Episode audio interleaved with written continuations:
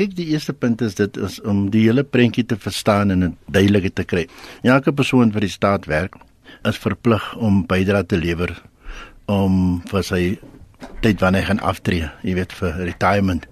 En die belangrike aspek van hierdie situasie is dat ons kry die government employee pension fund as een struktuur en op daardie struktuur het ons trustees 50% van die werkgewer en 50% van die vakbonde. Dan het ons nog 'n organisasie, die PIC, the Public Investment Corporation en hulle job is om op te tree as 'n asset manager.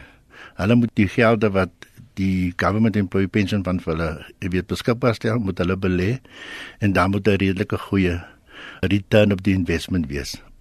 Nou wat ons nog begin kyk het na is wat is die huidige bedrag geld wat belê is in 'n vorm van 'n bond. Nou as mens kyk na Eskom, is dit al reeds meer as 100 100 miljard rand. As ons kyk na Transnet, dan trek ons in die omgewing van omtrent soos 75 miljard rand. As ons kyk na Prasa en ons kyk na SAA, dit sal reeds klomp gehad van die pensioene. Nou as hierdie maatskappye wanbestuur word omdat ons korrupte leiers het of mense wat aangestel is byvoorbeeld as direkteure deur die Guptas of deur die minister en dan gaan dit met 'n groot probleem sit by pad vorentoe.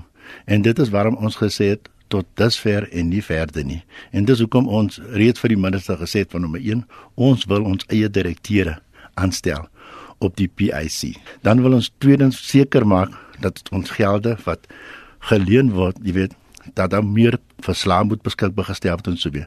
Indien die regering nou gaan weier om almal die soort van goed in plek te stel om te verseker dat daar nie korrupsie kan plaasvind nie of dat sekere mense wat aan die vereistes voldoen, jy weet, geld gegee word nie, dit moet gestop word. En dit is waarom ons reeds verlede vir die minister geskryf het om hom te sê kyk, dit is wat ons eise is. En wat was sy reaksie? Toe kom hy met 'n nog 'n verslag met 'n persverklaring te sê nee kyk, hy wil hê die raad van die PIC moet vir hom 'n verslag binne 10 dae gee van enige ongeruimhede. En tweedens wil hulle ook nou hê, wil hy hê hy wil vir die publiek gee 'n verslag vir wie die PIC geld geleen het vir die afgelope tyd. En dan maak hy die derde aanname om te sê dat die ehm um, 'n notisie van die verslag en die eise wat ons stel om ons eie direkteure te hê. En ons wil van ons kant af, ons vertrou nie die regering nie.